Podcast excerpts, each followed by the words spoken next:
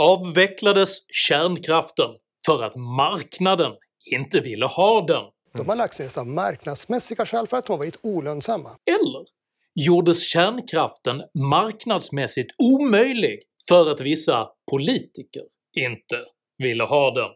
Meningarna går isär, som när en atomkärna klyvs. Jag heter Henrik Jönsson och jag är en oberoende libertariansk entreprenör och samhällsdebattör. Hur avvecklas egentligen svensk kärnkraft? Vilka bär ansvaret? Och vad händer med ett samhälle där storskaliga politiska ingrepp paketeras om och kommuniceras på det sätt som för ögonblicket är mest opportunt? Dessa frågor tar jag upp i veckans video. Gillar du mina filmer så hjälper du mig att kunna fortsätta göra dem om du stöttar mig via något av betalningsalternativen här ute till vänster. Det är endast tack vare ert frivilliga stöd som jag kan fortsätta min planerbara produktion av aktuella nya videokrönikor varenda vecka, så ett stort, stort tack till de av er som bidrar.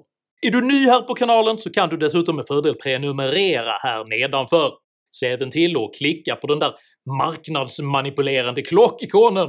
Men se framförallt till att skriva upp dig på mitt kostnadsfria veckobrev som finns länkat i videons beskrivning, så missar du garanterat aldrig när jag publicerar nya filmer, vilket jag gör med ett atomurs noggrannhet varenda lördagsmorgon klockan 08.00 svensk tid. Utom just förra veckan då, där vi faktiskt gjorde fel och släppte filmen för tidigt. Detta kommer inte att upprepas, så ställ klockorna! För idag talar jag om kärnkraft, kommunikation och komprometterande information. Häng med!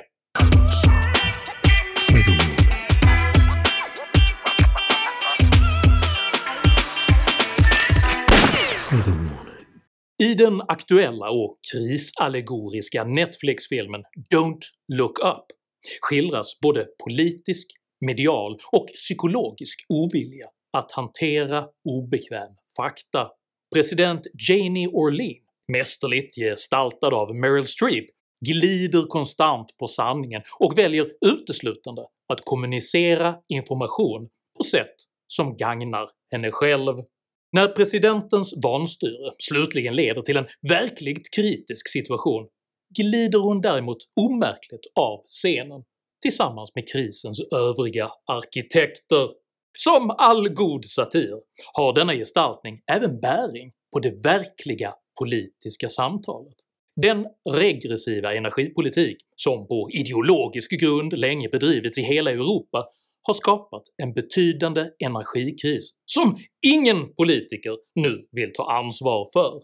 Besluten att på bred front avveckla kärnkraften i både Sverige och Tyskland har visat sig ödesdigert, och just nu jäser missnöjet hos breda väljargrupper i takt med att deras elräkningar växer. Den politiska kommunikationen rörande energikrisen pendlar i Sverige således mellan förnekelse och falska förhoppningar, men just den avvecklade kärnkraften framställs i stort sett uteslutande som fullständigt betydelselös och något som gjordes på strikt marknadsmässig grund. Det enda problemet är att det precis som president Orleans manipulativa svada helt enkelt inte är sant.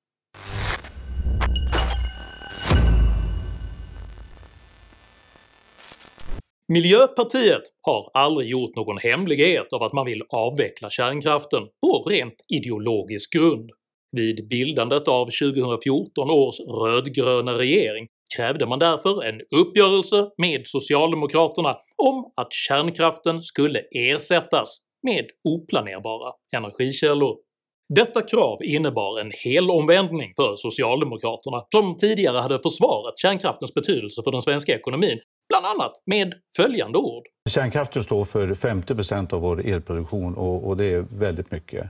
Och att eh, tro att den kan försvinna utan att det får konsekvenser på endera utsläpp, att vi behöver använda mer CO2 eller att vi får elbrist, det, det är enligt vårt sätt att se lite blåögt. att tro att vindkraften ska ersätta kärnkraften i sin helhet, det, det, det tror inte vi på. Det, det får sådana allvarliga konsekvenser. På grund av detta enades den rödgröna regeringen om kompromissformuleringen. “Den nya regeringen kommer inte aktivt att stänga några kärnkraftsreaktorer” men med det miljöpartistiska tillägget “men högre avgifter och ökade säkerhetskrav kommer att leda till att kärnkraftverk stängs ändå”. Miljöpartiet sammanfattade sedan öppet sin plan för kärnkraftens storskaliga avveckling med orden. “Ett helhetsgrepp tas om Vattenfall och styrningen av bolaget i syfte att göra det ledande i omställningen av energisystemet mot en högre andel förnybar energi. Vattenfalls planer på att förbereda för byggandet av ny kärnkraft avbryts.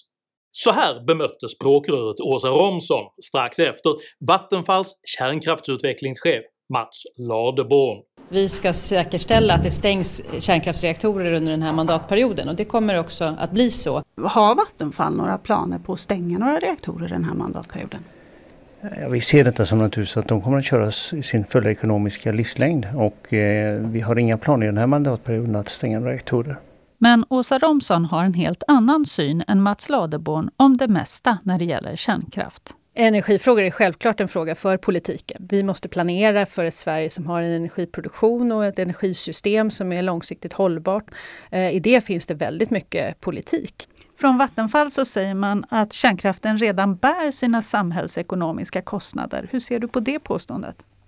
Ja, allting handlar ju om vilka saker man räknar in. Räknar man in eh, riskpremierna till exempel för eh, eventuella olyckor i framtiden, då finns det ingen kärnkraft på jorden som bär sina samhällsekonomiska kostnader.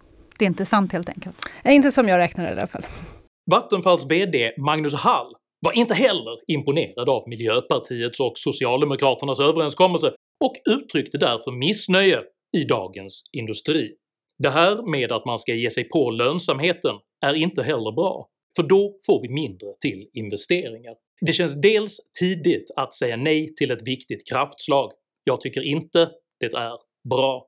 Hall fick som konsekvens en sträng uppsträckning av Miljöpartiets energipolitiska talesperson Lise Nordin.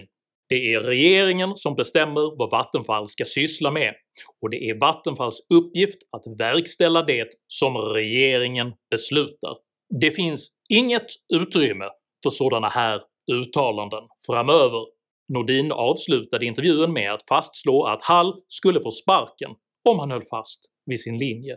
Hall i sin tur konstaterade lakoniskt “De nya direktiven kommer att innebära en jätteutmaning som kommer att kräva stora nedskärningar. Läget är väldigt allvarligt.”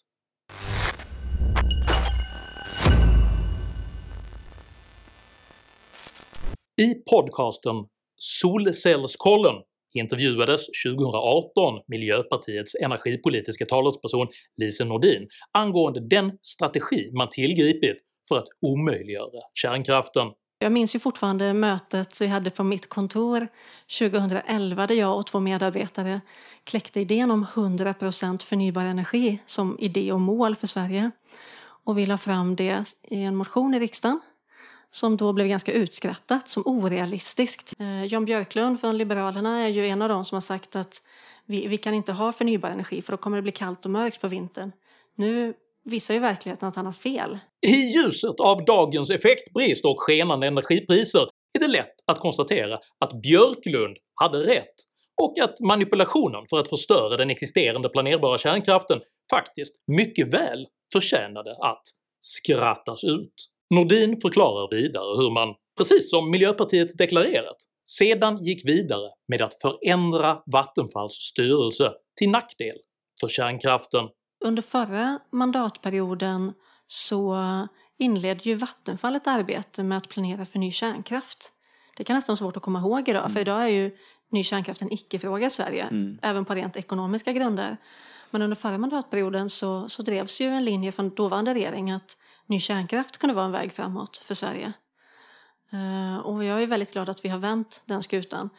Både tack vare teknikutvecklingen och marknadsläget men också att eh, den nya regeringen med Socialdemokraterna och Miljöpartiet eh, bestämde att Vattenfall inte ska lägga massa pengar på ny kärnkraft utan de ska fokusera på att nå vårt mål om 100% förnybar energi. Som statligt bolag ska deras fokus vara att vara föregångare i omställningen. Så att eh, kärnkraftsdebatten har väl förändrats. Mm. Men hur, hur, har man gjort det eh, liksom, genom lagstiftning eller genom liksom, sin styrelseplats i, mm, i Vattenfall? Genom eh, informell styrning, mm. eh, som det kallas. Vad innebär det? Alltså... Mm. Det betyder att man säger till sitt statliga bolag vad man Mm. vill av dem. Mm. Eh, sen har ju också regeringen eh, bytt ut två personer i Vattenfalls styrelse. Där eh, Thomas Kåberger, som jag vet har varit med här i podden, Ja, en av de nya. Mm. Eh, Så att han, eh, han är ju nu en av de nya representanterna i styrelsen. M- Man ska ju förstås inte använda de, de statliga bolagen eh, som ett verktyg i liksom en ryckig politisk inriktning. Men, det, men re- den här regeringen sa ju att vi behöver komplettera kompetensen i den styrelsen med kompetens inom förnybar energi. Och det är väldigt viktigt och bra att man gjorde det. Att komplettera kompetensen i styrelsen med kompetens inom förnyelsebar energi innebar alltså bland annat att placera den aktivistiske kärnkraftsmotståndaren Thomas Kåberger i Vattenfalls styrelse.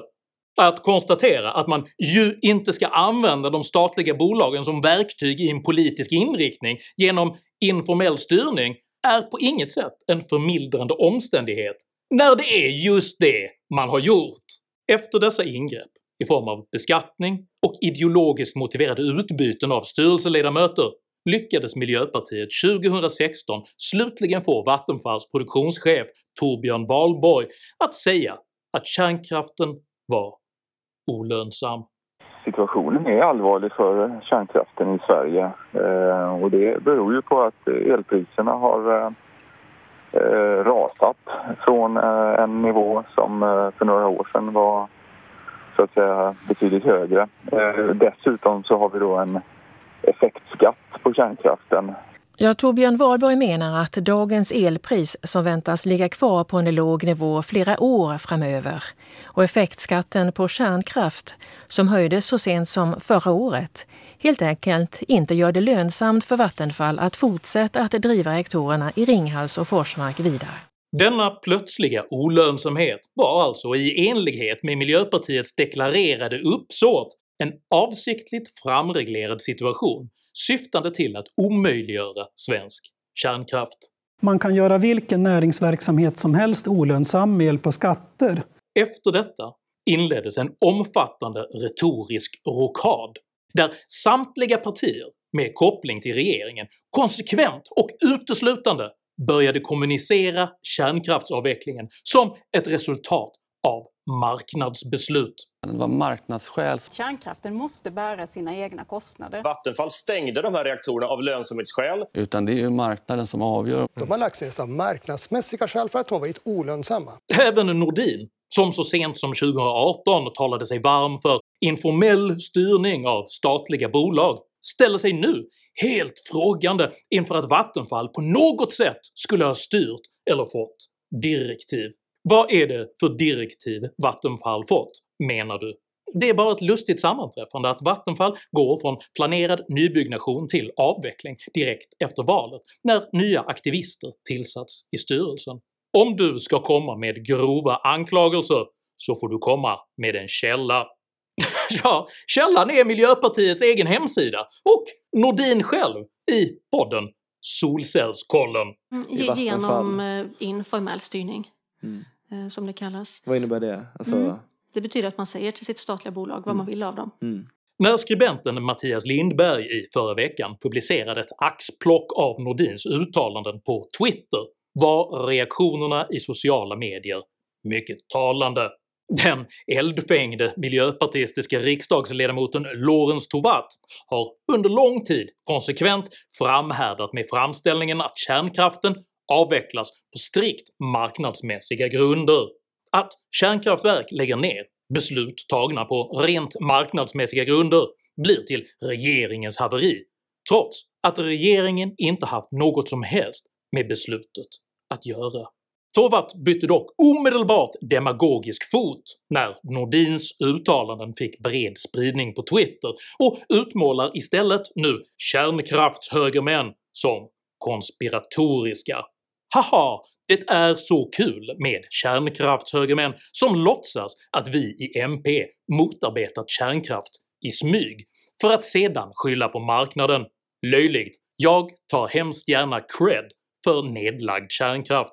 Utan Miljöpartiet hade nog flera av de nedstängda reaktorerna rullat vidare. Även public service-profilen Thomas Ramberger reagerade genom att fastslå att det redan var väl etablerat att MP aktivt verkat för kärnkraftsavvecklingen, något han mycket snabbt fick stöd från Marie Forsblad för, som är inrikespolitisk reporter på Ekot på Sveriges Radio. Det är uppenbarligen inget fel på public service kåranda, men det är anmärkningsvärt att skattefinansierade journalister försöker framställa en uppenbar helomvändning i den politiska kommunikationen kring kärnkraftsavvecklingen som irrelevanta halmgubbar. Det är förvisso sant att miljöpartiet länge har varit öppet med sina ambitioner att med alla till buds stående medel avveckla kärnkraften. Det är även sant att socialdemokraterna har varit obekväma med denna ambition och därför återkommande stått för skrivningar som distanserar dem själva från kärnkraftsnedläggningarna. Men det är framför allt sant att båda partierna under ett par års tid i sin kommunikation konsekvent har paketerat kärnkraftnedläggningarna som marknadsbeslut, när detta bevisligen inte är sant.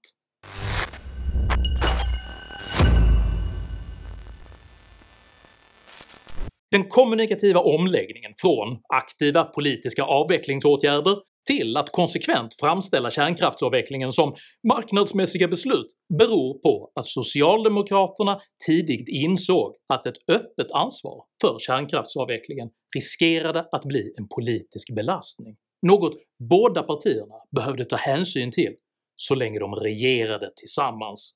Socialdemokraterna och Centerpartiet medverkade alltså aktivt till kärnkraftsnedläggningar som man visste riskerade att skada Sveriges energiförsörjning, och man gjorde detta endast för att kunna upprätthålla det egna maktinnehavet genom stöd från Miljöpartiet. För att få ihop det, det där så vill vi, har vi sagt att vi ser Miljöpartiet som en naturlig samarbetspartner. Eftersom alla dessa partier nu går till val individuellt kan det tynande Miljöpartiet äntligen få kosta på sig att stoltsera med att aktivt ha avvecklat kärnkraften, medan de statsbärande socialdemokraterna tvingas hålla fast vid marknadsbeskrivningen för att kunna frisvära sig själva från ansvar för den rådande energikrisen. Det kan verka absurt, cyniskt, ja till och med direkt ovärdigt att nyckfullt paketera om verklighetsbeskrivningen utifrån vad som för ögonblicket är politiskt opportunt, trots att sanningen bara ligger en googling bort. Anledningen till att man ändå gör detta är för att det fungerar.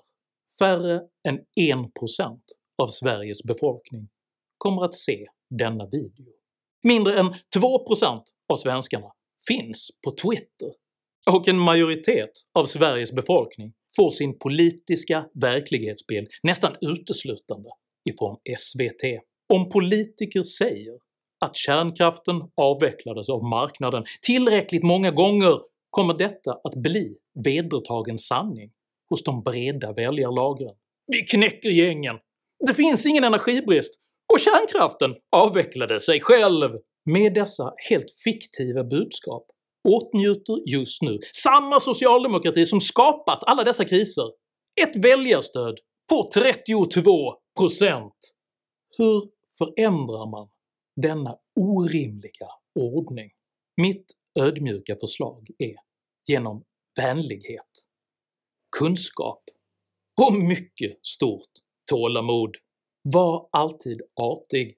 Var alltid mer påläst. Och var alltid outtröttlig, för droppen urholkar stenen, inte genom sin kraft, utan genom att ständigt falla. Var den droppe som ständigt faller, för tillsammans kan vi bilda en obeveklig monsun. Är du också trött på att det samlade vänsterblocket ständigt kommer undan med att tumma på sanningen? I så fall tycker jag att du ska dela den här videon med dina vänner, och varför inte prenumerera på min YouTube-kanal när du ändå är i farten? Har du egna erfarenheter av missledande politisk kommunikation? Dela i så fall gärna med dig av dina upplevelser i kommentarsfältet här nedanför. Jag uppskattar all respektfull kommunikation. Kom dock ihåg att alltid vara artig. Jag accepterar inte aggression, personpåhopp eller rasism i mina idédrivna kommentarsfält. Tack för att du som kommenterar respekterar detta. Jag heter Henrik Jönsson, och jag försvarar rättframhet framför demagogi. Tack för mig, och tack för att du har lyssnat.